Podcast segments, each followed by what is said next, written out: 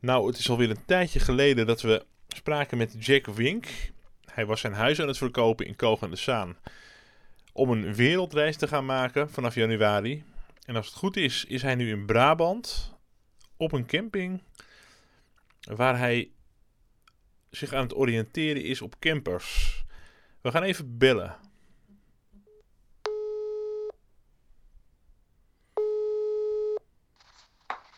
Hallo Edwin.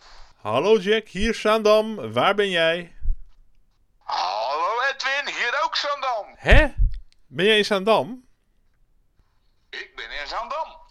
Oh, handig. Ehm, nou, weet je wat? Zullen we dan gewoon de verbinding verbreken en dan zie ik je in het café? Wat dacht je daarvan?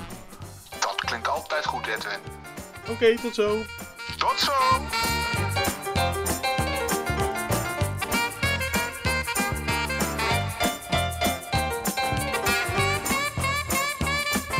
Nou ja, Jack, kom ik jou hier zomaar tegen in Zaandam. Wat, wat is dit? Heb je, heb je mij eh, opgelicht of zo? Eh, je zou toch weg zijn? Ik ben ook weg. Je bent ook weg. Dat hoor je ook.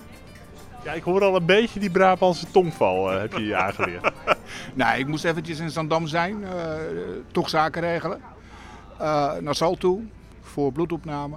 Maar ook voor een, een paspoort op te halen bij de gemeente. Zodat ik in elk geval naar Rusland kan. Dus- ja, dus en, en ja, je bent nog steeds Zaankanter natuurlijk op papier. Dan moet je toch bij Zaanstad zijn, ja. Precies. Dus dan moet ik toch hier af en toe wezen. Even een kleine opsomming. Dit is Hit the Road Jack aflevering 2. Eh, jij hebt je huis verkocht in Kogende Zaan. Jij gaat lekker reizen. Vanaf januari gaat het gebeuren. En tot die tijd zit je in Oorschot. Dat is in Noord-Brabant.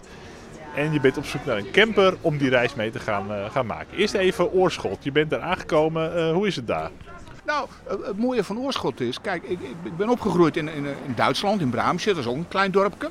Maar Oorschot lijkt er heel veel op. Waarom? Je hebt dan ook landerijen, je hebt dan de bosjes, maar je hebt ook die kanaal. Met datzelfde type brug eroverheen. Dus ik zit eigenlijk niet alleen memory lane van die drie punten, zeg maar, met die ene straat. Maar ik zit eigenlijk ook in mijn jeugd weer terug qua omgeving. Maar ook inclusief dat kanaal, die, die is, die, die, op een manier is die toch van belang. En dat is een hele mooie punt voor mij om, om, om, om- als transitiemoment om, om, om die reis te beginnen. En daar blijf ik tot en met 31 december. Spannend, spannend. En dan ga je rijden. Ehm, dan ben je je aan het oriënteren op de campermarkt, zoals dat heet. Klopt. Hoe gaat dat?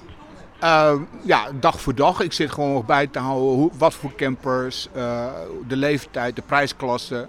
Hoe staat dat op dit moment? Ik gebruik een bepaalde site ervoor, waar gewoon goede campers staan, gecheckt enzovoort. Heel veel verloop zit er niet in. Dat kan een goed teken zijn. Dat betekent dat de prijzen vrij laag zijn. Op dit moment is gewoon kijken wat gebeurt er. Zometeen wordt het na-seizoen, na-seizoen. En dan gaan de campers omlaag. De mensen willen het kwijt en dan wil ik een camper kopen. Dus zeg maar de derde week van november.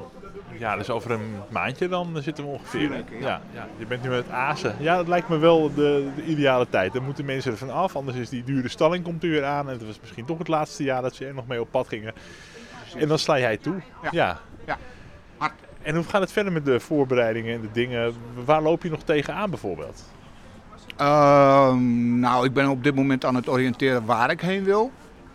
Eh, er zijn bepaalde plekken met bepaalde visie wat ik wil zien. Eh Leningrad hebben we het over gehad. Eh, vlakbij Frankfurt Bingen heb ik het over gehad. Maar ik heb het dan ook over Portugal. Rome wil ik zien. Wenen wil ik zien samen met een vriendin. Er is nog een stad in de buurt die wil ik zien. Dus ik ben gewoon het oriënteren waar gaan we heen. En wanneer. Ja, en waar gaan we heen? Dat is niet alleen jij of een vriendin, dat is ook de luisteraar van de OK-podcast. Dat is het leuke. Natuurlijk gaan jullie allemaal ook mee. Eh, Allemaal mee in de We gaan camper. allemaal mee in de camper. Ik heb precies vier plaatsen, maar we gaan allemaal mee.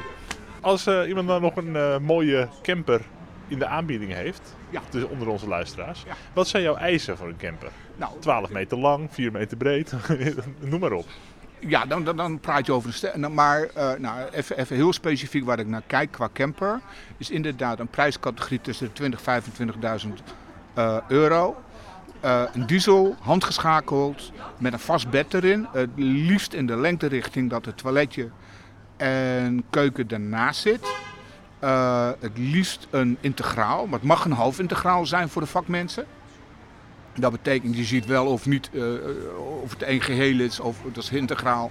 Een half integraal is, dan zie je nog dat het ooit een keertje iets met een cabinevrachtautootje-achtige toestand zou kunnen zijn. Eh, ja, de rest is eigenlijk standaard. Er zit altijd een reserveaccu in, eh, er zit altijd een toiletje in. Eh, dat is gewoon standaardzaak. Eh. Voor mij is van belang, ik moet een vast bed hebben en niet constant elke avond bed opmaken, tafel opmaken, tafel afmaken, bed opmaken. Daar heb ik geen zin in. Ja, je hebt ook dat zo'n slaapkamer wordt als morgens weer een eetkamer en dan moet je het elke keer om. Nee. Eh, je bent geen transformer eh, wat, dat, wat dat betreft, ja. Nee. nee, nee, nee, nee, nee, nee, nee, nee, nee. Eh, een beetje, kijk, een beetje winterdicht mag wel zijn, want dan is het ook zomerdicht en blijft het koel in de zomer. Dat zijn allemaal aspecten waar ik naar kijk. Technisch moet hij gewoon goed zijn. Vandaar dat ik ook kijk bij eh BOVAG. En fysiek mag het er wat minder schoon uitzien. Daarvoor is de leeftijd er ook naar. naar. Weet je? En heb je al contact opgenomen met Omroep Max? Die hebben zo'n programma met allemaal eh, eh, 60-plussers. Nou, je bent ook net 60 geworden. Die allemaal met de camper door Europa gaan reizen. En u wordt bedankt. Ja, ik bedoel, ik moet gelijk eh, aan denken aan commerciële opportunities. Hè, dat je eventjes laat sponsoren door Omroep Max. En dat ze je allemaal volgen. Ah. Wij hebben geen geld bij de orkaan. Nou, laat ik het zo. Laat, nee, jullie hebben geen geld bij de orkaan, maar het gaat mij niet om het geld. Het, eh, de- de- de- ik heb wel andere luisteraars en dat vind ik veel leuker. Ik heb gewoon 20 jaar in Zaandam gewoond. Ik kan niet zeggen dat ik een- in hart en nieren Zaandammer ben. Maar ik heb er wel heel lang gezeten en eh, ik heb hele leuke mensen leren kennen. Ik heb veel liever dat eh, op deze manier mijn, eh, verhaal naar voren komt in, in, via de orkaan dan via Max. Wat voor mij toch min is. Ik heb een computer natuurlijk meegenomen. Dat is een nukje, zo heet dat ding. Klein vierkant dingetje. En er was een BIOS upgrade, dat wou niet helemaal goed. Toen moest ik naar ehm computerwinkel in Eindhoven fietsen. Dat is een uurtje, uurtje, anderhalf fietsen. Dus ik pak mijn fiets en ik ga fietsen over die ene weg. In 84 heb ik een lerarenopleiding gedaan in Eindhoven op de TU-terrein. Dat was een HBO-opleiding. In 86 heb ik gewerkt voor een bedrijf en daar vloog ik heel vaak naar München en naar Hamburg, elke andere weekend. Ik woonde in Den Bosch, dus ik heb heel vaak over eh, eh, Eindhoven Airport gevlogen. Maar in 88 zat ik op de Prinses Irene kazerne in Oorschot. Dus ik ga die weg af en ik kom die kazerne tegen. Het heet nu anders, maar ik kom die kazerne tegen. Nou, dat vond ik leuk, interessant. Ik lag in de buurt, dat wist ik. Ik fiets door, dezelfde weg. En ik kom voorbij Eindhoven Airport. Ik denk van, nou, interessant, leuk. Ik fiets weer verder en kom op het industrieterrein Hurk. Industrieterrein Hurk. Als soldaat gingen we daar altijd koffie drinken, want hadden we werkbespreking. Ik was eh, op dat moment eh, in opleiding als chauffeur, vrachtwagenchauffeur. En daar hadden we werkbespreking bij een bloemenzaak we voor een gulden in destijds koffie halen. Maar toen ik voor dat bedrijf werkte waar ik veel voor vloog, in de röntgentechniek en echografietechniek, heb ik op het industrieterrein Hurk eh, mijn opleiding gedaan als monteur in dat vakgebied. En daar in een hotel overnacht. Op dat moment was de relatie uit. Eh, dus dat gaf ook voor mij ja, een geheugen dingetje. En dan fiets ik door en dan kom ik toch in de buurt van TU-terrein. Dat vond ik frappant. Was er veel veranderd voor je gevoel? Er is heel veel veranderd, voor, niet alleen voor mijn gevoel, maar ook de facto.